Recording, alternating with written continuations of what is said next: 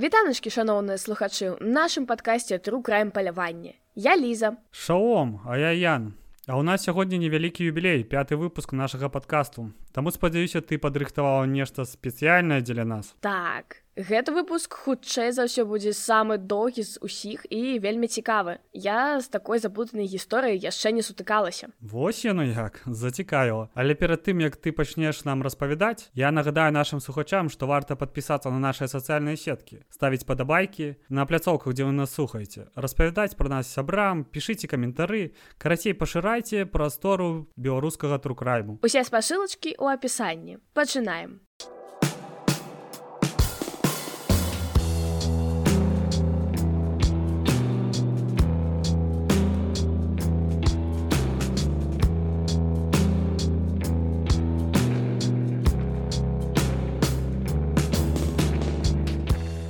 Сасілія была звычайнай маладой жанчынай, якая жыла разам са сваёй маці недалёка ад бытаву у вёсцы ашэкі.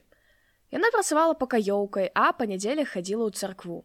Не тое, каб яна была вельмі рэлігіёзнай, але ж туды хадзіла ўся вёска, так што гэта было галоўнае месца для яднання людзей і плётак. Аднойчы вяртаючыся з царквы сусед Сасілій Юзеф заспеў жанчыну на падыходзе дадому. Угаворамі ён прымусіў Сасілію пайсці з ім у бязлюднае месца, каля сажалкі, дзе згвалціў яе. Вярнуўшыся дадому, дзяўчына змагла расказаць пра здарэнне маці толькі праз некалькі тыдняў. Яшчэ пазней жанчыны даведаліся пра цяжарнасць сіліі, аб чым сказалі толькі пастару. А той на наступнай жа пропаведзе пра ўсё расказаў грамадскасці, хаця і без імёнам. Але ж вёска была маленькая, так што ўсе адразу ўцямілі, пра каго ідзе гутарка. І вядома, няшчасную жанчыну адразу пачалі цкаваць. Не мужчыну, што яе згвалціў, хаця ўсе ведалі, хто гэта і што ён жанаты а жанчыну. Таму маці з дачкой замкнуліся і намагались не выходзіць з дому без падставы. Такім парадкам яшчэ ненароджанае дзіця ўжо выклікала жудаснае раздражненне ў абодвух жанчын. Можа толькі ўявіць, якім было іх абурэнне, калі на родах услед за першым дзіцём з'явілася яшчэ і другое. Ох, гэта невялікія грамадствы, дзе людзі заўсёды выбіраюць ахвяраў не розумам, а інстынктамі, бо выбіраюць самых слабых дзеля здзекаў. Вельмі шкада жанчыну такія абставіны разбураюць самаадзнаку і ўпэўненасць у сабе. Няўжо ніяк не пакаралі гвалтаўніка. Не, адзінае, што жонка даведалася і скавала яго потым, а так нічога не было.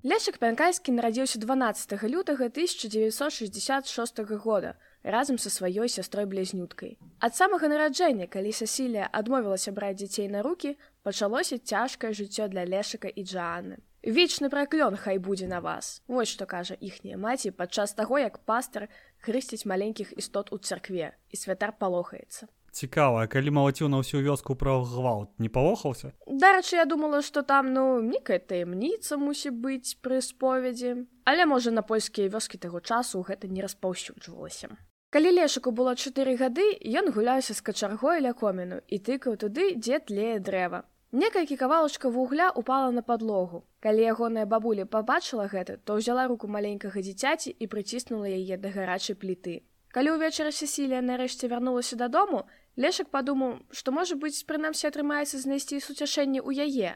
Але калі маці пачула, што вугуль упаў на падлогу, то працягнула руку і зноў прыціснула маленькія ручкі да гарачай пліты коміну. Гэта была не адзіная жорсткасць, прычыненая яму маці і бабуляй. Кожны раз, калі лешак даваў падставу, на яго не проста крычалі, яго збівалі. Цела маленькага хлопчыка неаднаразова было пакрытае рубцамі і сінякамі. Маладая маці з кожным днём усё больш стамлялася ад блізнят, не ведала, што з імі рабіць. Яна больш не хацела бачыць дзяцей, таму вырашыла аддаць іх у дзіцячы дом. У выніку дзяцей вярнулі, А тым часам у Сасіліі нарадзілася яшчэ двое дзяцей, ужо ад іншага мужчыны. Таму яна прывезла алешака і Джану да бабулі, але старая была гэтым вельмі незадаволеная. Магчыма, бабушка лешака ненавідзела яго яшчэ і прастое, што дрэнна ставілася ўвогуле да ўсіх мужчын. Яна пабралася шлюбам са сваім мужам па каханню, але выбраннік быў не найлепшай кандыдатурай, бо шмат піў і нічога не рабіў для сям'і. Так што ёй трэба было працаваць дзень і ноч, каб забяспечыць сябе і дачку. Яна пачала ненавідзець свайго мужа і была не вельмі засмучаная тым, што ён памёр. Лешык, маленькі нясмелы хлопчык ходзіць у школу. Хоць ён вельмі стараецца, але ён правальвае другі клас пачатковай школы і трапляе ў школу для разумова адсталых дзяцей. Пачынаецца самы шчаслівы этап яго жыцця. Упершыню ён адчувае, што чагосьці варты. Ён квітнее сярод дзяцей з сур'ёзнымі адхіленнямі. Лешак умее чытаць і пісаць, а яшчэ дапамагаю працаўніцам гэтай установы. Свет бурацца для маленькага лешака, калі праз паўтары гады яго забіраюць з гэтай школы, дзе ён адчуваў сабе ўтульна, дзе напершыню змог адчуць цеплыню і бяспеку. Мэтай пераводу да звычайнай школы стала тое, што настаўнікі былі перакананыя. Лешак ужо нармальна развіваецца. Цяпер яму трэба будзе вярнуцца да бабулі. Лешак яшчэ раз сканчвае другі клас. Ён на тры гады старэйшы за аднакласнікаў. Яны яго дражняць. Таму ён шукае ўсё больш і больш кантактаў з дарослымі. Акурат так і праходзіць дзяцінства лешака пенкайскага.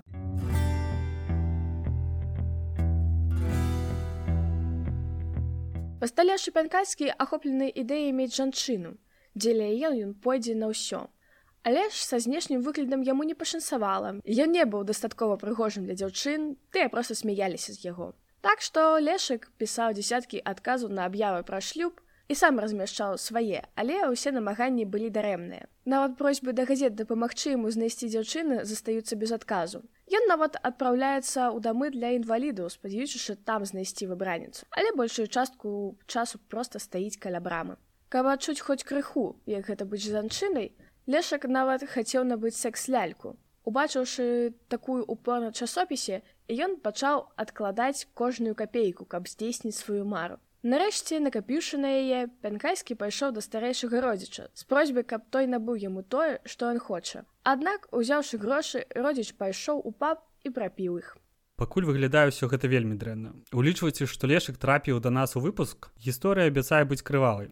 Але пакуль все што я чую ад цябе гэта дзве жанчыны выхоўваюць хлопцаў асяроддзе гвалту і мізандрай жахліва ўявіць да якіх стаўлення да жанчын прывядзе такія досвед у дзяцінстве. Выкажу сваю здагадку. Нас чакае гвалтаўнік у дарослым узросце бо пакуль вымяшэнне сваёй злосці і бяссілля на хлопчыку ад яго блізкіх у двухкосе жанчын ёсць відавочным. У падлеткавым узросце булін з боку аднакласнікаў, хутчэй за ўсё інтэлект быў не на высокім узроўні. Потым адчуваецца пачатак фіксацыі на ідэі знайсці жанчыну. І таму ў мяне ёсць два пытанні да цябе. Першае, можа маеш інфармацыю, А як было з выхаваннем сястры, просто цікава. Сястра выхоўвалася таксама, як і лешык. Яна нейкую інтэрв'ю згадвала, што яны абодва былі як баксёрскія грушы. Але ж Джанна пры гэтым у крымінал не пайшла. Мо ёй усё ж такі грыху менш заставалася, або проста праз тое, што ўровень інтэлекту быў больш, яна не так адбілася. Окей, другое пытанне. З твайго тэксту я не да канца зразумеў. Ён шукае жанчыну дзеля кахання ці выключна як сексуальны аб'ект. Ці гэта паступова пераходзіць толькі да сексу. Я магу зараз адказаць табе на гэтае пытанне, але ж тады будуць спойлеры да падзей, якія будуць далей.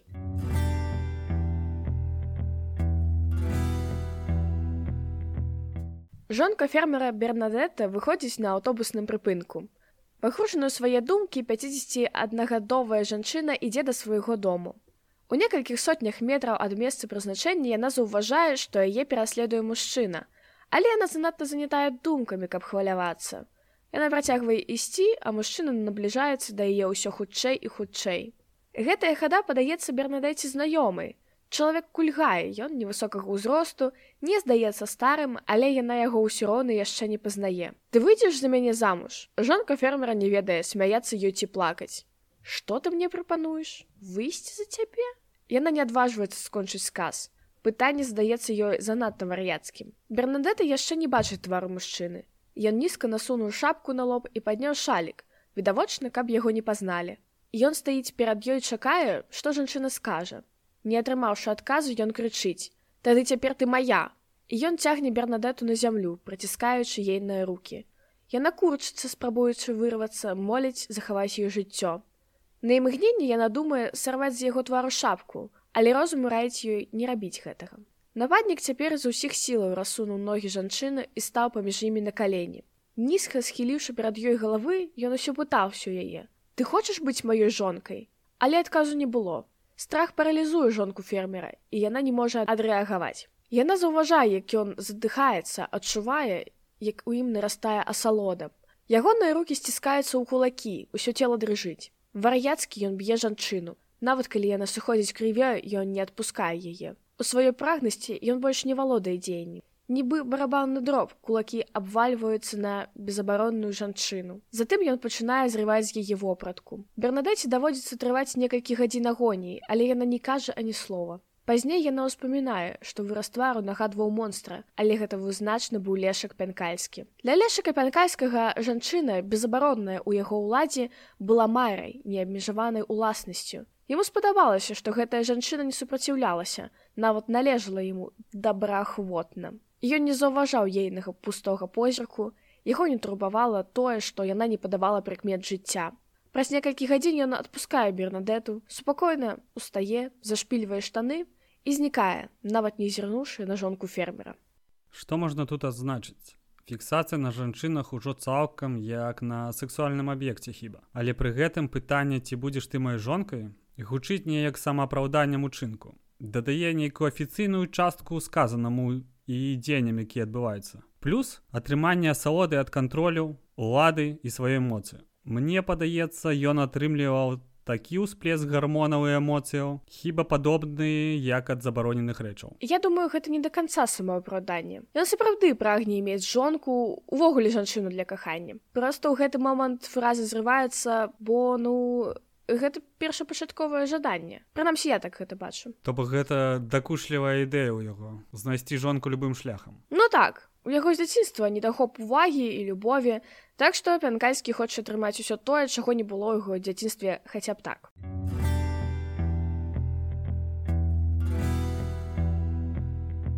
Толькі адзін чалавек у горадзе мае такую хаду. Толькі адзін ходзіць так сагнусышся наперад. Лешак пянкальскі Гэтая постаць, якая нагадвае позу гарылы, нарэшце выдае яго. Супрацоўнікам невялікага паліцэйскага ўчастка не прыйдзецца доўга шукаць злачынца. Яны ведаюць, дзе ён жыве і дзе часта тусуецца са сваім дзядзькам Богданам. Калі паліцыя арыштоўвае лешыка, і ён, як заўсёды ветлівы. Ён прызнаецца ў здзяйсненні злачынства і пакольку ў яго ёсць сталы адрас, пасля допытаў яго адпускаюць. А ніводны паліцейскі не верыць, што гэты пянкайскі мог здзейсніць іншыя злачынствы. Многія дзяўчаты і жанчыны падвергліся гвалту ў папярэднія гады, але ніхто не думае аглядзець маленькі мацарны пакой, дзе жыве лешак. Ім галоўнае, што лешак прызнаўся ў сваім учынку, а ўсё астатняе справа суда. Яшчэ адна прычына, па якой чыноўнікі не капаюцца глыбей у жыцці дзівака мясцовыя жыхары. Нават жонцы фермера цяжка паверыць, Ці сапраўды яна пазнала яго ў тую цёмную ноч. Большасць жыхароў вёскі лічыць, што яна не мае рацыі і што яе згвалціў незнаёмец. Калі лешак яшчэ знаходзіўся пад вартай, нават манашкі з суседняга манастыра падыходзілі да прокурора і прасілі: « Адпусціце яго, лешак заўсёды быў мілым і добрым хлопчыкам. Дайце яму свабоду, ён дакладна нічога не рабіў. Мы яго ведаем. Лешак пянкайскі атрымлівае свабоду з умовай, што яго абследуюць у гданьску адзінай на поўначы польшчы клініцы для псіхічна хворых злачынцаў, каб падрыхтаваць экспертнае заключэнне пра ягоны псіхічны стан. Бальнічны псіхіятра не спяшаецца з лешыкам, хоць яго ўсяго толькі абвінавачваюць у згвалтаванні. На працягу трох поўных месяцаў з сакавіка па чэрвень 1991 года робіцца спробы прааналізаваць падаплёку яго злачынства. Экспертнае заключэнне складаецца і накіроўваецца ў пракуратуру толькі праз шмат месяцаў. У гэтай справаздачы гаворыцца, што яго інтэлектуальны ўзровень на мяжы з разумовай адсталасці. Аднак у момант захвалтавання ён добра разумеў, што адбываецца. Лекары сцвярджаюць, што ён не прымітыўны, але вельмі ашчадны. Яго можна лічыць надзвычай жорсткі, таму ён не заўсёды можа стрымліваць сваю пажаду. Таксама адзначаецца, што лешак яшчэ здольны на значна больш сур'ёзныя злачынствы, Лекары перакананы, што гэтае дзеянне не было і не застанецца ізаляваным. І мяркуецца, што ён у любы час будзе здольны здзейсніць падобнае злачынства зноў. Выходзіць пад авечай скурай хаваецца воўк. Сама так і выходзіць. Падчас знаходжання ў клініцы лешак знаёміцца з жанчынай, якая старэйшая за яго. Раната, якая пакутуе на сіндром дауна, разумее, што гэты мужчына ёй вельмі сімпатычны і яна праводзіць з ім кожную вольную хвіліну. Ён увесь час просіць яе выйсці за яго замуж, і Ранаце гэта падабаецца. Паступова супрацоўнікі таксама заўважылі, што паміж імі штосьці адбываецца і паведалі пра гэта лекарам адказным за лешыка. Яму раяць устрымацца ад любых кантактаў з гэтай жанчынай, а рэнаце даюць супраць зачаткавыя таблеткі. Пазней яны зноў таемна сустракаецца і лешак дасягнуў свае мары. Яму падабаецца той факт, што Рната без супраціву згаджаецца з ім і ён пытаецца: « Ты выйдзеш за мяне замуж? На гэты раз ён атрымлівае неадкладны адказ. Лешак уражаны, упершыні жыцці ён чуе. Так, нават зараз. Лекар кажа, што пабрацца шлюбам з такім чалавекам, як Рната вельмі цяжка і хутчэй за ўсё нават немагчыма. Ён пасылае запыт, каб гэта праверыць. У жніўні лешак выходзіць з бальніцы і даведваецца, што шлюб паміж ім і рэнатай, як у любыя кантакты з ёй ніколі будуць ухваленыя праз забарону апекуна. Лешак бадзяецца па ўсёй Польшы, часта першу, а калі дазваляе гаманец, то і на цягніку ці аўтобусе. З месца на месца з горада ў горад ён усюды адчувае сябе як дома. Хіба таксама мае нахіленне да бадзяжання, як і наш папярэдні забойца Пятро. Можа і малатком карыстаўся, то будзе ўвогуле хэт-трик па малаточніках у нас. Ну Пятрова там не зусім зразумела маштаб, а гэты бадзяецца па Польшчы толькі так. А малаток, ведаеш, можа і будзе.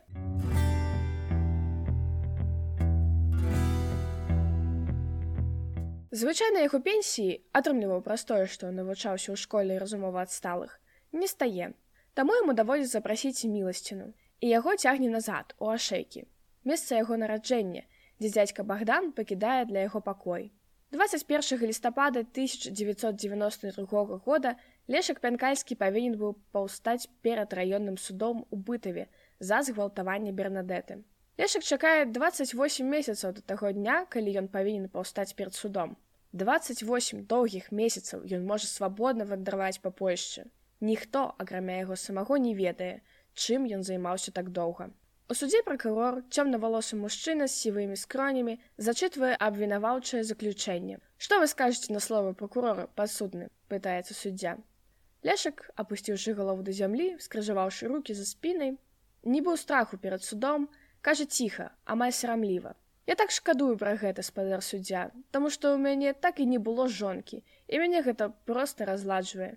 І я напэўна зашмат выпіў у той дзень хлусіць ён бо ніколі не піў. Лешак ненавідзець алькаголь мне вельмі шкада што я так моцна пакрыўдзіў гэтую добрую жанчыну. Я ніколі не зраблю гэтага зноў. Амаль па-дзіцячы спрабуе ён зрабіць уражанне на суддзю вы прызнаеце ўсё у чым вас абвінавачваюць суддзя злёгку разгублены яму падаецца што гэта занадта лёгка так спадар я ва ўсім прызнаюся і вельмі шкадую пра гэта адказвае лешак калі потым прокурор просіць яго расказаць што-небудзь пра сваё жыццё у яго загараюцца вочы ён ведае надышоў ягоны час. Лешак пачынае падрабязна апісваць сваё юнацтва з усімі гранямі перажытых ім пакут і яму ёсць што расказаць. Ён вельмі хутка заўважвае, як добра гэта ўспрымаецца ў суддзе, калі ён паведамляе аб сваім катастрафічным дзяцінстве. Усе ў зале суда здзіўленыя словамі гэтага сціплага, некалькі патрапанага чалавека.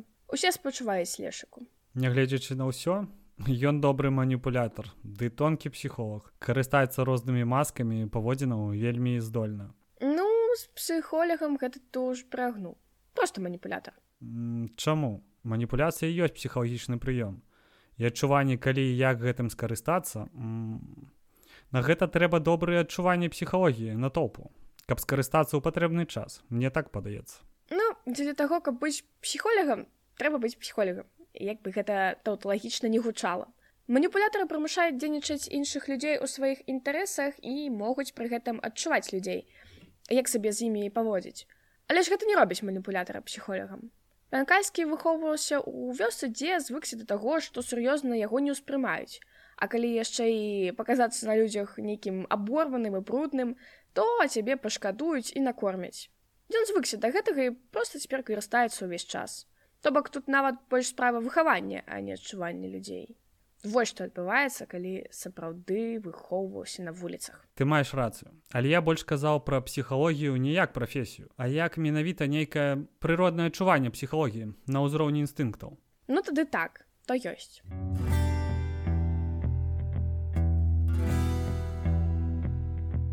У пракуратуры адказнай за суд у бытаве была невырашаная справа да таго, як пачаўся суд над пянкальскім.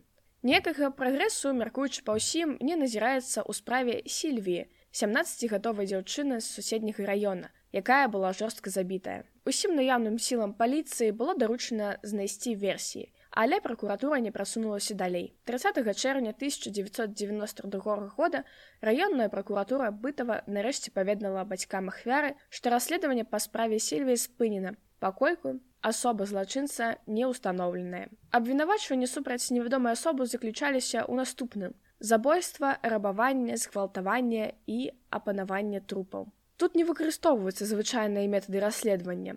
Справы не параўноўваюцца, доказы не сабраныя, або недастаткова сабраныя, або нават згубленыя. Расследаванне было спынена за 5 месяцаў да таго, як лешак пянкайскі быў прызнаны вінаватым у згвалтаванні жонкі фермера. Ніхто не падазрае пра сувязь паміж гэтымі дзвюмя справамі. Пасля таго, як ён прызнаўся ў згвалтаванні бернадэты, лешак нават не лічыцца ў паліцейскіх дакументах як гвалтаўнік. Можна толькі меркаваць, як бы развівалася справа лешака пянкайскага без ядвігі, Сакратарка прокурора пакідае справу на стале, пакуль шукае нейкія іншыя дакументы. Ядвіга заўважае справаздачу, якая вывалілася з тэчкі. Бярэ яе і адзначае, што яна выпала з файла сільвіі. Яна ведае пра гэтую справу, зноў гратае жудасную справаздачу, зноў глядзіць на фатаграфіі. Сакратарцы цікава, што злачынец зрабіў з ахвярай. Гэтая справа не адпускае яе. Зноў і зноў яна бярэ ў рукі файл. Ёй проста незразумела, якім парадкам вінаваты так і не быў знойдзены. Ход для гэтага былі выкарыстаныя ўсе вольныя людзі і сродкі. Праз дзень адвізе патрапляе ў рукі справа алешка пянкальскага. Зноў жа выпадкова, як яна скажа пазней. На вокладцы файла чырвонымі літарамі напісана з гвалтаваннем. Ёй вядома гэтая справа, калі пянкайскі згвалціў жонку фермера і нанёс ёй цяжкія калецтвы шляхам збіцця. І яна знаходзіць выснову псіхіятрычнай бальніцы. Апошні некалькі радкоў яе турбуюць. Лекары вызначылі, што ён не прымітыўны, але вельмі ашчадны. Яго можна лічыць надзвычай жорсткім. Ён здольны на надта цяжэйшае злачынствы. У ёй мацнее падазрэнне, што гэты злачынец мог мець некае дачыненне да забойства сільвіі. Ядвіга бачыць паралелі там, дзе іх строга кажучы на самой справе няма. Лешак згвалчай 51гадовую сялянку, але нікога не забіў. Тым не менш сакратарка не можа адчапіцца ад думкі пра гэтага чалавека. Яна працягвае пошукі і са здзіўленнем выяўляе, што лешака пянкайскага абсільві нават не дапыталі, не гледзячы на тое, што ён таксама быў сексуальным злачынцам. Калі яна параўноўвае траўмы, атрымленыя дзвюмя ахвярамі, у яе ўзнікае дзіўнае пачуццё. На ранах адзін і той жа почерк. Вельмі жорсткае абыходжанне, пабой на твары, здзек з нерухомага цела. Ці павінна яна прызнацца, што праглядала файлы хоць гэта не ейная працы ці ёй варта захоўваць маўчанне нарэшце сакратарка прызнаецца ў сваіх падазрэннях босу. Спачатку ён толькі стомлена усміхаецца ёй здаецца занадта гратэскавым што шматлікія следчыя па крымінальных справах якім была даручана гэтая праца не змаглі усталяваць асобу злачынца. А цяпер сакратарка хоча каб правяралі ейную версію. 17 снежня 1992 года перад домам богдана пянкайскага спыніліся тры паліцейскія машыны. Афіцеры накіроўваюцца ў бок дома. Нічога добрага богдан не падазрае погляды паліцыянтаў занадта суровыя Ён устае перад дзвярыма і палохаецца, калі мужчыны ўрываюцца ў дом роўна а пятай гадзіне вечара, не кажучы ані слова. Не пытаючыся, Богдан паказвае на жалезную лесвіцу, якая вядзе да мансарды. Гэта месца, дзе жыве лешак. Ён ведае, каго яны шукаюць. Ён там. Богдан паказвае ўверх па лесвіцы на другі паверх. Часовае жытло лешыка. Ён спіць, кажа Богдан. Ён нешта зрабіў? Пад ложкам паліцыянты знаходзяць скрынку і адразу выклікаюць прокурора. Уся скрыня запоўненая жаночай ніжняй бялізнай і жаночай верхняй вопраткай. Ёсць незлічонае мноства асобных частак. Трусікі маленькіх і вялікіх памераў, усіх колераў і фасонаў. Бюзгальтеры, блузкі, цішоткі. Уся вопратка запрэцканая брудам і крывёю. Ёсць больш за сотню асобных частак. Узрушаны пракурор выходзіць пакоя і аддае загад сабраць усе прадметы і прынесці іх у пракуратуру. І прынесіце мне файл. Ну, вы ведаеце. Вы маеце на ўвазе файлы сільві? Так, вядома. Ён больш не можа хаваць свайго хвалявання. Калі справа аказваецца ў яго на стале, ён адразу ж шукае вельмі канкрэтную справаздачу. Паліцейскае апісанне таго, як было знойдзена ахвяра. Траўмы, моцныя ўдары, практычна ідэнтычныя, кажа ён ківаючы галавой. І ніжняй бялізны не выяўлена. Чаму ніхто не ўбачыў гэтай сувязі? Пракурор ківае галавой. Той, чый допіс стаіць на выніковай справаздачы. Яго каментар злачынец не знойдзе не спыніць расследаванне, не дае яму спакою. Ён адчувае сябе вінаватым. Неўзабаве пасля гэтага лешака пянкальскага даставілі ў паліцэйскі ўчастак. Пракурор, не здолеўшы вытрымаць пачуцця віны праз сваю памылку, забіў сябе. Праз некалькі дзён пасля таго, як пянкальскага ўзялі пад варту, яго пачалі дапытваць. Новы пракурор бліфаваў і казаў, што бялізну, якую знайшлі ў лешыка, ужо ўсё пераглядзелі і ідэнтыфікавалі. Штосьці ў тым ліку належала сільвія, а яшчэ ў іх ёсць сведка. Бялізнаю той момант яшчэ не займаліся, а вось магчымая сведка насамрэч была. Пракурор прыгразіў лешаку смяротным пакараннем, калі ён не сазнаецца ва ўсім.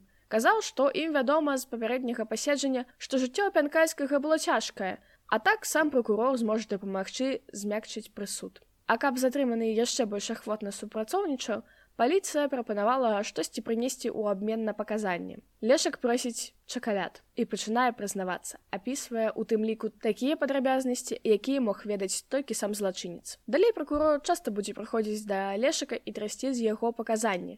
А сам злачынец пачынае не проста прасіць чакаляд узамен на аповеды, а пачынае патрабаваць яго, адмаўляючыся размаўляць. Але хутка сакамерк нейкі растлумачылі яму, што не трэба асазнавацца ва ўсім, навадзеля чакаляда. Я насамрэч хацеў падтрымаць паўзу даўжэй, каб больш пабачыць, як будуць разгортвацца падзеі далей. Усё гэта выглядае падобна да справы дуракоў. Калі караценька падчас пошуку чакацілы, следства спрабавала абвінаваціць у забойствах трох хлопцаў з адхіленнем у развіцці. І следчыя падганялі факты, траслі і дапытвалі гэтых няшчасных. Але ж усё-такі выпусцілі праз год ці больш. А хлопцы ўсяго толькі тралейбы спрабавалі скрасці. І зноў выбачаюся, што чакаціла ў кожным выпуску але занадта яркі прыклад по якому шмат падрабязнай інфармацыі я не сцвярджаю што пінкальскі невіноўны просто твой аповед момантамі нагадваў тую справу мне. Пянкальскі хоць і мае разумовую адсталасць але ж пры гэтым ён не хлупы.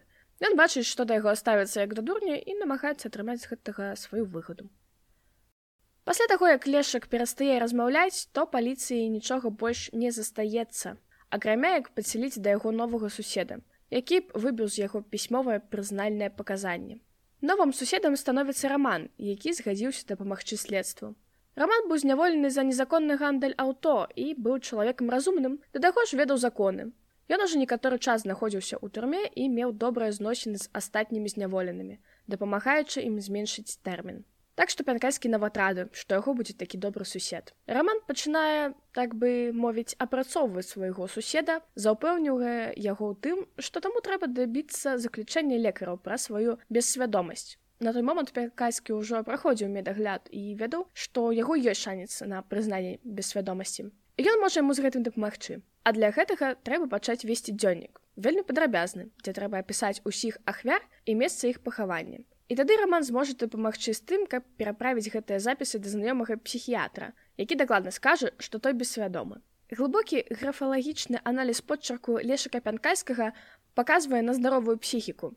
Малюнак подчарку паказвае, што ён нескладаны чалавек, які не разрываецца паміж сумнёвамі і супярэчнасцямі. Гэта хутчэй прымітыўны чалавек з даволі нізкім IQ, але пры гэтым цалкам разумны. Яго можна ахарактарызаваць як інфантыльнага экстраверта, першапачаткова адкрытага для людзей, але апошні час пераўтворанага ў адзіночку. Праўда, з элементамі адхіленасці, інтраверсіі. Няўпаўнены і страчаны чалавек, нестабільным, які знаходзіцца пад дамінаваннем, над якім з дзяцінства дамінуюць і падвяргаюць гвалту жанчыны. І ён дзіця прыроды і цесна з ёй звязаны. Шрыфт паказвае, што яго аўтар не прымае складаных рашэнняў і шукае самы просты шлях да мэты, не задумваючыся аб наступствах. У дадзеным выпадку забойства, здаецца, дае яму імгненную блізкасць з процілеглым полам і фізічны кантакт, якога ён прагне. Імпульсы, выкліканыя сексуальным узбуджэннем, паскараюць прыняцце такіх рашэнняў.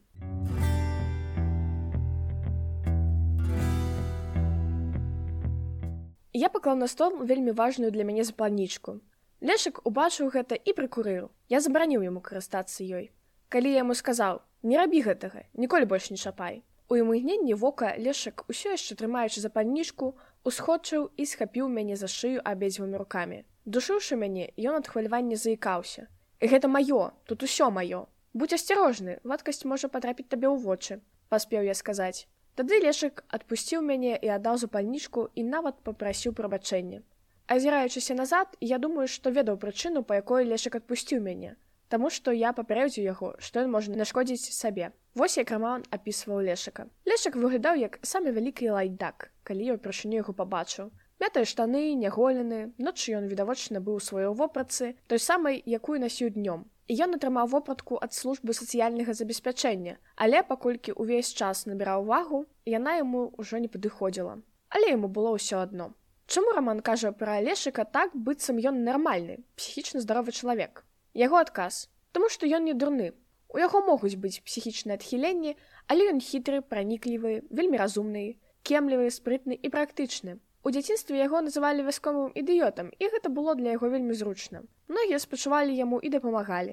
Ён заўсёды быў брудным і галодным. Усе казалі яму: бедны маленькі лесё. Гэтым ён дамогся многага. І ён заўсёды ветлівы і абыходлівы. І ён выставіў сябе дурнем перад паліцыяй у слупску, бо бачу, што яны яму паверылі але не ўспрынялі яго сур'ёзна. Дапытваўшая жанчына паліцейскі нават даставіла яго ў сеза ў пракуратуру без якіх-небудзь мер бяспекі. Яна ехала з ім у легкавым аўтамабілі. Лешак адзін на заднім сядзенні і без кайданкоў. Гэта цуд, што ён не збег.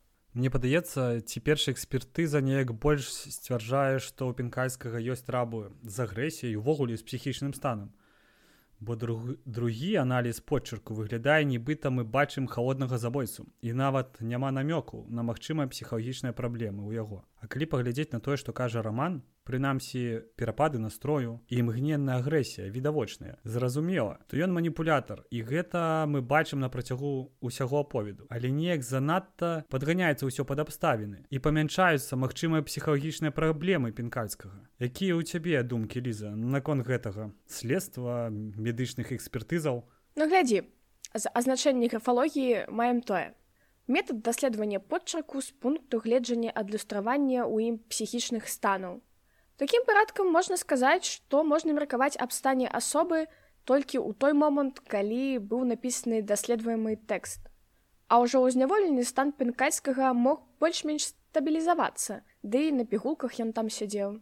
І маем, што маем. Ну слухай, тады мы паставім з табой пад сумнеў, дасканаласць графілагічнага аналізу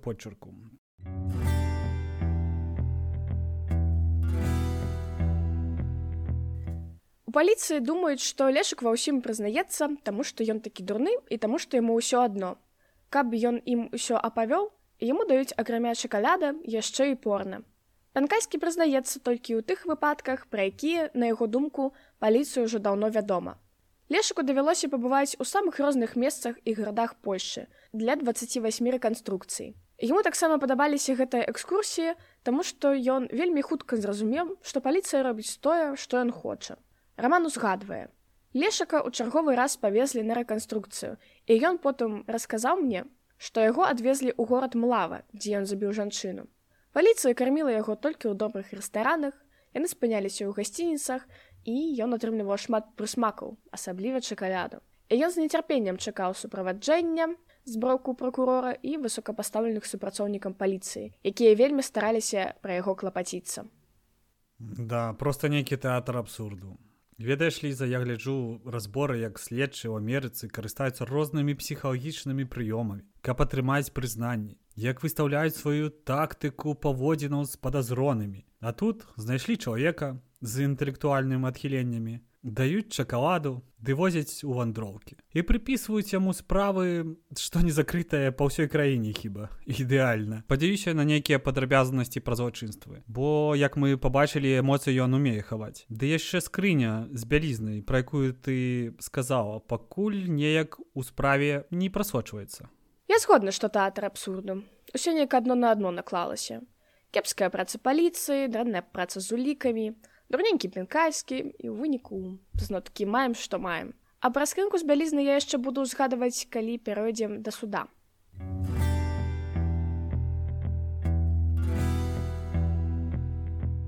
Напэўна, зараз самы час паразмаўляць, а ў чым дакладна абвінавачваўся лешак пянкайскі? І што ён зрабіў ці не зрабіў. Першапачаткова, як я апавядала, за ім прыйшлі пасля таго, як знайшлі сувязь паміж згвалтаваннем бернадэты і забойствам сільві, І вось тая скрыня з ніжняй бялізнай жанчын падштурхнула паліцыю пераглядзець старыя справы, каб знайсці новыя зачэпкі. Хаця гэтая бялізна і была ўскоснай улікай. На допытах пенкайскі даў прызнальныя паказанні больш чым па 80 забойствам. Прытым вельмі падрабязныя, распісваючы тыя дэталі, якія, якія казала мог ведаць толькі забойца. Аднак, як проста ён прызнаваўся, так жа проста ён і адмаўляўся ад сваіх словаў. У выніку абвінавачвання было прад'яўлена ў 17 забойствах і двух згвалтаваннях. Усё гэта аб'ядноўвала непамерная жорсткасць, з якой былі здзейсненыя злачынствы. Забойца дзейнічаў лютасна, збіваючы сваіх ахвяр амаль голымі рукамі і наносячы моцныя удары, якія калечылі. Першай ахвярай вампіра збытува, а акурат такую мянушку далі змі пасля затрымання пенкайскага, стала Ева, забітая 14 лютага 1984 года у торані. Пенкайскі прыехаў у горад праз два дні пасля 18годдзя. Ён прагуляў школу і паехаў у торунь адзін, зрабіць сабе падарунак. Лешак шпацыраваў па бязлюднаму парку, дзе якраз спяшалася Ева, каб паспець на аўтобус да сваёй працы. Пянкайскі спачатку намагаўся ветліва загаварыць жанчынай, але Ева не звяртала на яго ўвагі. Тады мужчына пачаў паводзіць сябе агрэсіўней. У ім прачнулася нават нянавісць. Ён схапіў малаток, які трымаў пры сабе і нанёс ахвяры 5 удараў, аглушыўшы яе. Калі Ева падала прыкметы жыцця, то лешак разлаваўся яшчэ больш. Сеў на яе зверху і схапіў бліжэйшую палку, якой пачаў наносіць удары, а потым скончыў рукамі. І ён мастурбаваў над целам няшчаснай жанчыны, а потым кінуў яе проста там. За забойства гэтай жанчыны быў асуджаны ейны калега, які нават адбыў год у турме. Увечары 20 кастрычніка 1986 года у лесе каля вёскі любец лечак пенкальскі сустрэў 79гадовага сівога мужчыну з сяла пад шчэцінам. Падкаўшыся незаўважным да старыка, які яшчэ імеў праблемы са слыхам, ён накінуўся на яго рассекшы галаву і яго нажа сякерай. На гэты раз спенкайскі проста насалоджваўся сваёй магутнасцю. І ён распранае старыка і сядзіць над яго целам усю ноч. Скончыўшы тут, ён хавае цела пад пакеты. Тут таксама пакутае нявінны чалавек. Следчыя падазраюць сына ахвяры, у якога былі не найлепшыя ўзаемаадносіны з бацькам. Брат абвінавачанага таксама веруць у тое, што гэта ён зрабіў. Па выніку праз паўгады абвінавачанні былі зняты, бо прыйшлі да выніка, што доказаў не стаем брат невінна асуджанага павесіўся калі той выйшаў з турмы ад прызнання ў гэтым забойстве пянкальскі вельмі хутка адмовіўся бо ў турме забойства старыкоў не вітаецца так што яму адразу пасыпаліся пагрозы ад суседзяў наступнае забойства вельмі добра паказвае якое ўражанне робіць пенкайскі 13 студзеня 1987 года у слупску лешак натрапіў на нейкую ахоўваемую будову як пазней стаў невядома гэта склад боепрыпасаў куды просіцца прайсці Спярша ахоўнікі над ім смяюцца, але лешак сядае ім на вушы і пачынае скардзіцца на сваё жыццё і лёс. Да таго ж ён выглядае яшчэ дрэнна, амаль як валацуга. Яго прапускаюць, але праз некаторы час не могуць знайсці. Панкайскі схаваўся ў нейкай нішы. Падняўшы па трывозе ўсіх, каго магчыма, пачынаюцца пошукі. У выніку яго знаходзіць 23гадовы паліцэйскі Анжэй, які пачынае крычаць на лешака і падаецца біць. Пенкайскі такое сцярпець не можа і дастае нож, які ўтыкае ў шыю ахвяры, а потым уцякае праз плот. Што цікава, мясцовы коранер кажа, што па характары рана можна сказаць, што дзейнічаў шпіён, бо вельмі прафесійна была яна нанесена. Сотня паліцыянтаў прачэсваюць горад, абшуківаюць дом за домам, але падазраванага не знаходзіць. Усе наяўныя верталёты і сабакі дзейнічаюць. Казармы знаходзіцца ў стане павышанай баявой гатоўнасці. Праз некалькі гадзін пасля таго, як лешак пенкайскі ўсё яшчэ не быў знойдзены, мясцовыя ўлады паднялі трывогу ў рэгіёне, а затым і ва ўсёй Польшчы. Сфармаваны тым часам спецыяльны ваенны штаб і ўлады сыходзяцца ў меркаванні.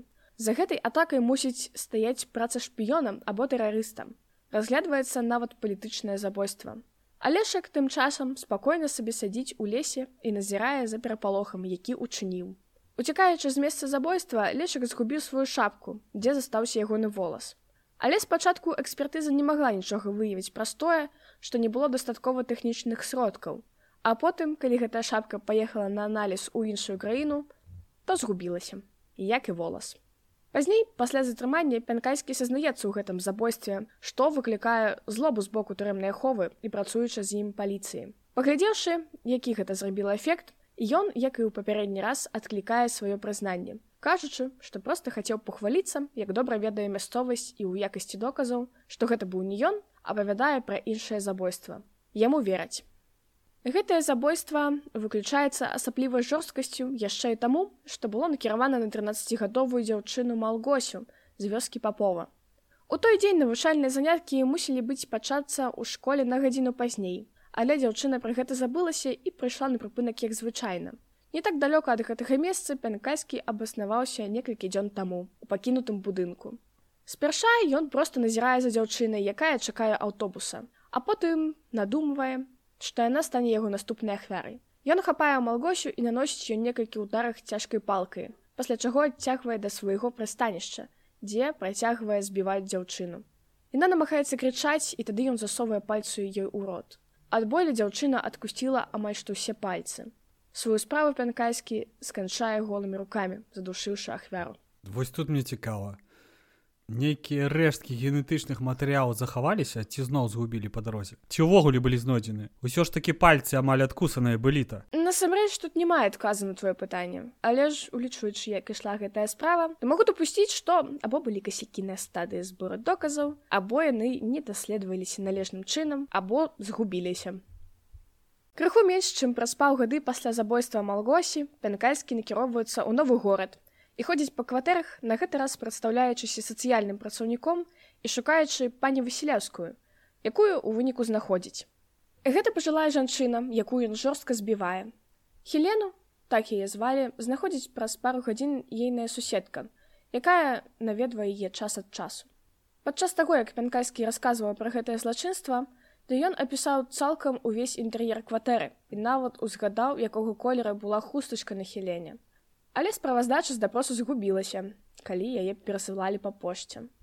У гэтым злачынстве ён сазнаўся пасля таго як адазваў сваё прызнанне у забойстве шасцімесячнага дзіцяці.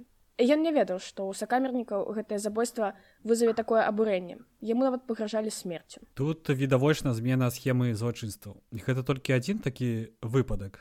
Ці былі падобныя? Так падобны выпадак уже быў У 1988 годзе пянкальскі прыехаў да белагарда, дзе проста грукаючы ў дзверы дамоў шукаў сабе ахвяру, якое стала пажылая яніна. А яшчэ ўсе гэтыя падзеі толькі больш сумневаў мне дадаюць. Я курва можна згубіць справаздачу. Як? Ну бо па пошце адпраўлялі спадзяюся зараз почта польска працуе лепш. Мне падаецца такія справы звычайна адпраўляюць праз унутраную службовую пошту. Мачыма і праз пошту польскую не ведаю. Хм, можа і пра службовую. Ну тады яшчэ большы гамон канешне.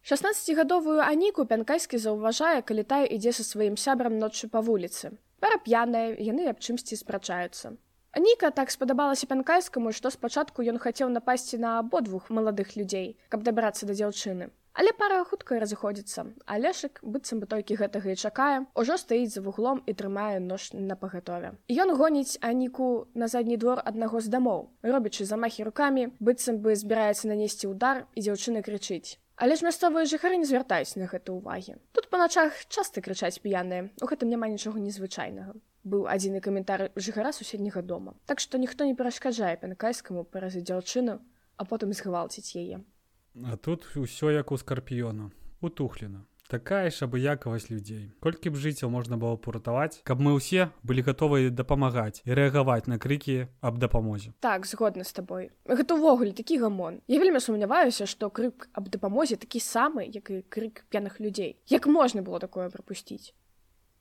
памятаеце я ўзгадвала забойства маленькага дзіцяці ад якога адмовіўся пянкальскі дык вось гэта адбылося 18 лютага 1990 года у беластоку. Жудаснае здарылася з маленькай мартай. Я не буду тут апісваць што адбылося але скажу што абвінавачванне ў гэтым злачынстве знялі. Бо сведка спачатку прызнаў пенкайскага з чатырох людзей і адразу паказаў на яго.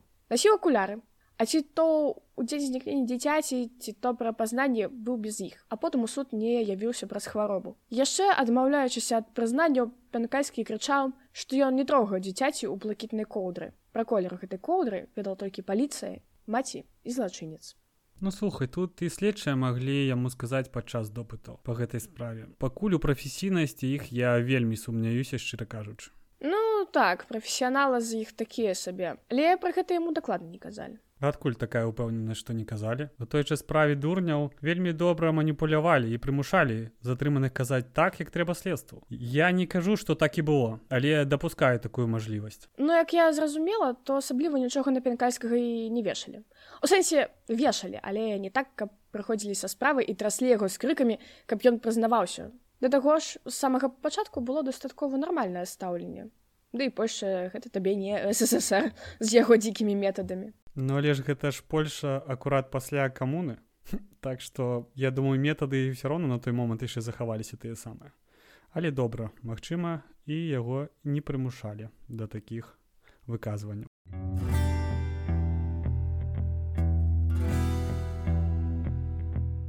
Забойства Еланты не вылучаецца ў шэрагу злачынстваў. Яна загінула ў парку побач з дамом сяброўкі. Паліцыя не захацела займацца пошукам, калі да іх звярнуліся бацькі. Тады бацькі пайшлі да экстрасэнса, які сказаў, што іх дачкі ўжо няма ў жывых. Так што яны самі пайшлі прачэсваць мясцовасці каля ваенных аб'ектаў. Сама пра іх казаў экстрасэнс, скажучы пра месца захавання дзяўчыны. У выніку пра выпадак дазналіся газеты. Пасля чаго знайшоўся сведка, а пасля і цела дзяўчыны. На ейным целе і рэчах былі знойдзены рэшткі спермы і валасоў, але на той момант яны не даследаваліся. Цікава, што і тут пенкайскаму просто шансуем. Мы праз некалькі гадоў, калі ён прызнаўся ў злачынстве, то доказы паспелі кудысьці знікнуць. Цікава. Ці варта гэта называць шансуе? Гэта халатнасць праваахоўнік. Самы галоўны доказ і знікае. Зараз людзей праз 20 год знаходзяць па такіх генетычных матэрыялаў і садзяць. А тут знікла. Столькі памылак адной халатнасцю не апраўдаеш. А чым жа яшчэ інтрыгамі сатаны? Дакладна так. Ну няхай будзе.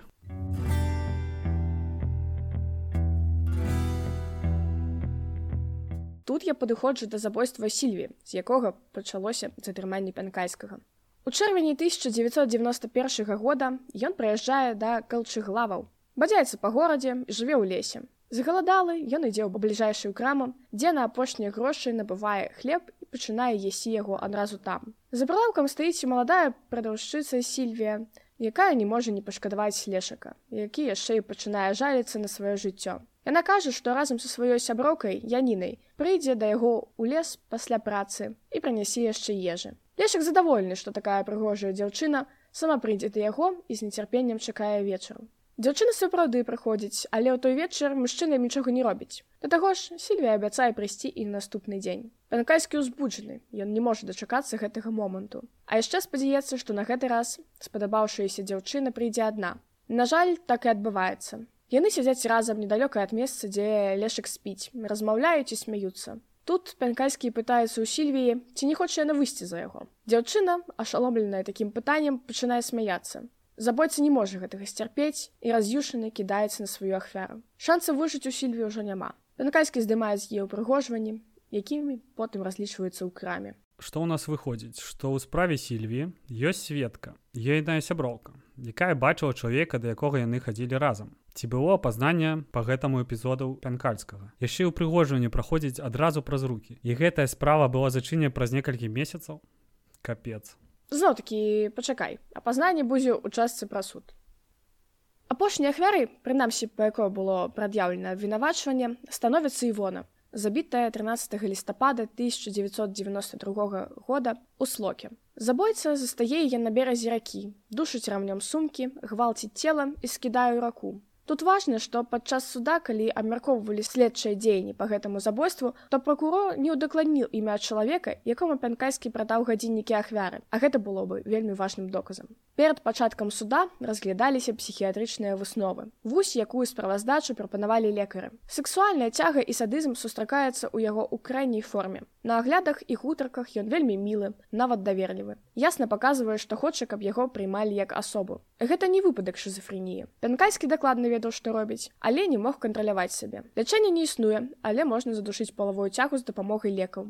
Не факт, што ён не паўторыць свае дзеянні, нават калі яго сексуальная цяга больш не з'яўляецца прыярытэтам. Масавыя сексуальныя забойцы гэта перш за ўсё людзі з глыбокімі разладамі асобы, часам у сувязі з пашкоджаннем цэнтральнай нервовай сістэмы. Адзнака ягоная асоба псіхіятрамі выклікае падазрэнне ў лешыка. Ён быў так упэўнены што яго палічаць вар'ятам. А цяпер вось гэта. Пенкальскі выдатна ведаў што робіць. У судзе сведчыць некалькі важных ахвяр пенкальскага. Магу вас заўпэўніць і яны ўсе хлусяць вось што адказаў ён журналістам перапынку сведкі пачынаюць паслабляць свае паказанні. Усё часцей гучаць словы можа быць накладна не памятаю гэта было даўно там было цёмна тут яшчэ варта азначыць што падчас свайго зняволення пянкальскі набраў 30 кілаграм на тым чакалядзе што прасіў на ўзаменна за прызнанне так што некаторыя сведкі праз гэта не маглі яго пазнаць асноўная сведка з боку абвінавачвання яніна сяброўка сільві падчас суда адмовілася ад сваіх папярэдніх паказанняў дзе казала што пашла сільвы ў першы дзень да пянкальскага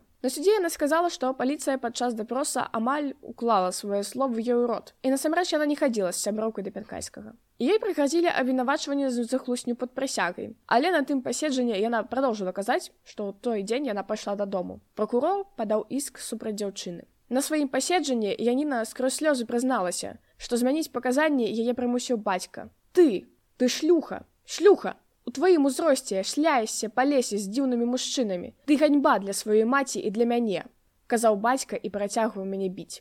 Вось словы Яніны. На гэтым паседжанні пінкальскі ўжо выступаў як сведка.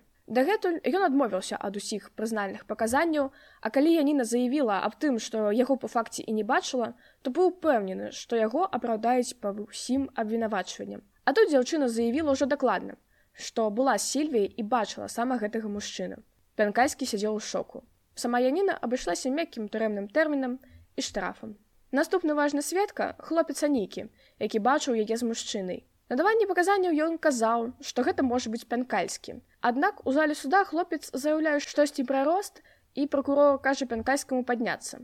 На што суддзя кажа, што гэтым няма сэнсу, бо сведка яго ўжо не пазнаў. Падчас паседжання нямецкая тэлевізія прыязджала да пянкальскага, каб узяць інтэрв'ю і зняць яго камеру. Ужо адмовіўшыся ад усіх забойстваў, хіба акрамя сільві ён прызнаецца перад камерай што адказны за смерць 14 чалавек прокурор дазнаецца што ў германії ёсць гэты запіс так што дамаўляецца аб тым каб немец хутка прывёз яму касету. Бо скора самому прокурору трэба будзе рабіць заяву пасля чаго новыя доказы ў судзе не будуць прымацца. Я перакананы што лешек пянкальскі забіў значна больш людзей чым тыя 80 у якіх ён прызнаўся. Падчас шматлікіх рэканструкцый з лешыкам ён працягваў расказваць нам пра іншыя забойствы якія паводле яго слоў ён здзейсніў у тым жа раёне але не мог дакладна ўспомніць ідзе яны былі здзейсненыя але ў вас былі яго пісьмовыя прызнанні з дакладнымі дэталямі злачынстваў такімі як месца і час пытаецца прокурора Гэта праўда, але паліцыя часта не знаходзіла цел у названых месцах. Магчыма, яны зрабілі нядбайную працу і не абшукалі ўсю тэрыторыю. Я не ведаю, чаму ў гэтай справе было дапушчана так шмат памылак. Калі я атрымаў файл з паказаннямі сведак, я выявіў, што важныя заявы не былі запісаныя. Наконт таго, што пянкайскі вельмі падрабязна абісваў то, як выглядае пакой падчас забойства. І сям'я ахвяры сцвердзіла, што ўсё так і было. Яшчэ нас былі доказы, жаночая бялізна і прызнання лешыка. Але доказы, якія вы знайшлі, не былі дакладна ідэнтыфікаваныя сем'ямі ахвяры. Якая маці зможа засведчыць пад прысягай, што прадмет бялізны без сумнёваў належаў адной з яе дачок. Пагатоў, што гэтую бялізну можна было купіць у тысячах асобнікаў у кожным універмагу. Акурат так мы не ўлічылі гэта на допытах у паліцыі. Нам было дастаткова прызнанню абвінавачанага, а сведкі сцвярдзілі, што пацярпелыя насілі такую самую бялізну. Але мы таксама не ведалі, што гэты працэс зацягнецца так надоўга. Напярэдадні вельмі важнага паседчання, дзе мусіў быць прадстаўлены відэазапіс, на нямецкай тэлевізіі выходзіць сюжэт пра пянкайскага, ды яшчэ з такімі падрабязнасцямі, якія былі засакрэчаныя. Суддзя жудушна з гэтага слуецца, пытаюцца прокурора адкуль яны маюць усе гэтыя рэчы відэа са следчых дзеянняў медыцынская справаздачы і іншыя прокурор кажа што дакладна не ад яго. Тады суддзя пытаецца пенкальскага адкуль у яго новая вопратка? Калі журналісты ездзілі ў турму то попрасілі ў дырэктара турмы які дарачы і даў дазваленне на з'ёмку камплект вопраткі пенкальскага а наўзамен набылі яму новую. І хто ўвогуле даў дазвол на з'ёмку пенкальскі паказвае на прокурора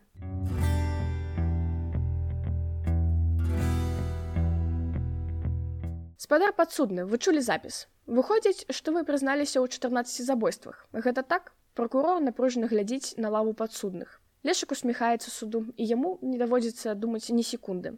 Так я сказал гэта тэлевізійнікам таму што яны хацелі гэта пачуць. Яны прынеслі мне шмат падарункаў я баяўся што калі не скажу ім што-небудзь падобнае то не атрымаю падарункі. Я схлусіў ім усім нічога з таго што я сказал не было праўдай я нікому нічога не зрабіў. Чаму я павінен прызнавацца вас прымусілі прызнацца пытаецца суддзя не. Але я хацеў падарункаў алюзію вельмі хацелі прызнанне сапраўды гэтак жа як паліцыянты яны заўсёды абяцалі мне нешта калі я ў чымсьці прызнаюся у мяне было такое адчуванне што калі я не скажу ім тое што яны хочуць пачуць я не атрымаю падарункаў з пераможнай нясмешлівую смешку ён глядзіць на прокурора які ўздрыгвае ад агіды. За кожнае з 17 забойстваў прокурор патрабаваў асобных пакаранняў у выглядзе пазбаўлення волі на тэрмін ад 5 до 25 гадоў а таксама пажыццёвага зняволення. Акрамя таго прокурор запатрабаваў у якасці дадатковага пакарання для пянкайскага 10 гадоў пазбаўлення грамадзянскіх правоў і 7 тысяч злотых штрафа. Што цікава вядома што амаль у кожным горадзе вісякі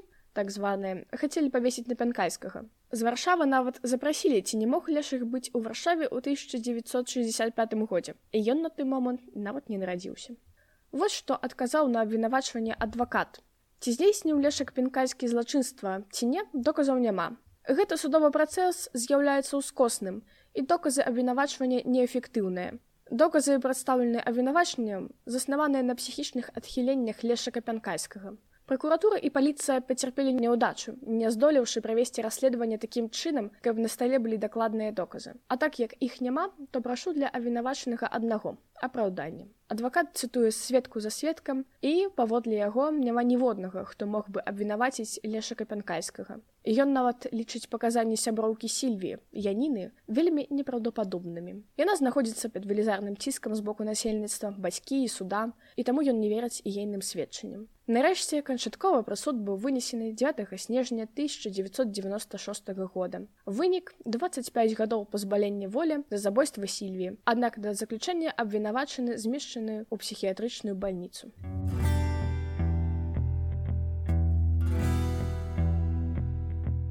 Дзякуй гісторыя вельмі цікавая. Сюжэт закручаны не горшым гульнетронаў спачатку скажу свае думкі наконт лешака пенкальскага чалавек з вельмі цяжкім і складаным жыццём. Думаю можна сказаць што маці і бабуля вінаваты ў яго лёсе. Хлопец вырас у асяроддзе гвалту фізічнага і псіхалагічнага. Варта адзначыць яго маніпуляцыі на тэму свайго лёсу. Ён выкарыстоўваў іх вельмі якасна. Лоўка апранае розныя маскі паводзінаў. Нечым мне нагадвае білі мільгана але гэта на уроўні толькі адчуванню. Але на маю думку, галоўнае ў гэтай гісторыі нават не пянкальскі, а сістэма праваахоўных органаў. Бо ў нейкі момант я проста чакаў наступнага касяка ад іх. Знікненне генетычных матэрыялаў, прызнанне і таму падобныя рэчы неяк руйнуюць упэўненасць у доказанай базе. Гэта жах, нямецкія журналісты, якія апавядаюць сакрэтныя звесткі, усё гэта проста недарэчнасць. Акурат праз гэтае бардак і няма адчування, што ўсё гэта на 100соткаў зрабіў пянкальскі прынамсі ў мяне. А я наадварот упэўнена што ён вінны ва ўсім. Я нават згодна з прокурорам што пянкайскі мог забіць нават больш людзей чым за 80 я не дурны з чаго я магу зрабіць выснову што он выдатна разумеў? Што з ім адбываецца? А таму просто няма сэнс яму прызнавацца у тым чаго ён не рабіў. Да таго ж тады калі яму прыгразілі смяротным пакараннем. Можа вядома быць і такое што тут ён паверыў што чым больш ён раскажа тым менш тэрмін яму дадуць. Але ўсё адно ён ведаў такія рэчы якія мог ведаць толькі забойца па ўсім 80 забойствам яму было што расказаць просто не можа быць такога каб ён усё гэта ўзял з галавы і вось яно супала Ну слухай варта памятаць пра прэзумцыю нявіннасці. Даказалі адно забойства і хіба тры гвалты так? А гэтыя 80 не даказаныя А значыць мы не можемм казаць упэўнена што гэта ён. Да і ў прынцыпе не ён. Не даказалі ж. Чаму і хто вінаваты ў гэтым гэта ўжо іншае пытанне. А наконт таго што яму было што распавесці пра забойствы хто ведае як праходзілі допыты і што на іх адбывалася. Занадта шмат прыкладаў калі дзеля зорачак справы раздуюцца выключаць гэта таксама нельга. Я не кажу што ён не вінаваты але але пагадзіцца з пракурорам пра 80 магчымых забойстваў не магу. Вельмі дрэнная праца праваахоўнікаў. Зашмат памылак і халатнасці. Таму і незразумелы вынік гэтай справы. Але перавесці пад нагляд псіхіятраў пенкальскага мне падаецца варта. Нарачай пенкальскі павінен быў выйсці пару год таму але суд пазнаў яго небяспечным. Таму адсядзеўшы 25 гадоў ён не вярнуўся дадому. Адправіўся ў закрыты цэнтр у гастыніне акурат пад нагляд псіхіятраў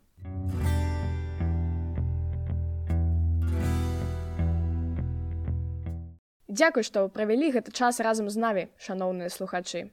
сачыце за нашымі новымі выпускамі а таксама зазірайце ў нашыя сацыяльныя сеткі дзе мы выкладаем дадатковую інфармацыю да новых эпізодаў. Гэта быў падкаст рукраем палявання ад мяне асабістая падзяка каналу мілагучны за мікрафон. І наступных сустрэч сябры! Будьце асцярожныя. Да пабачэння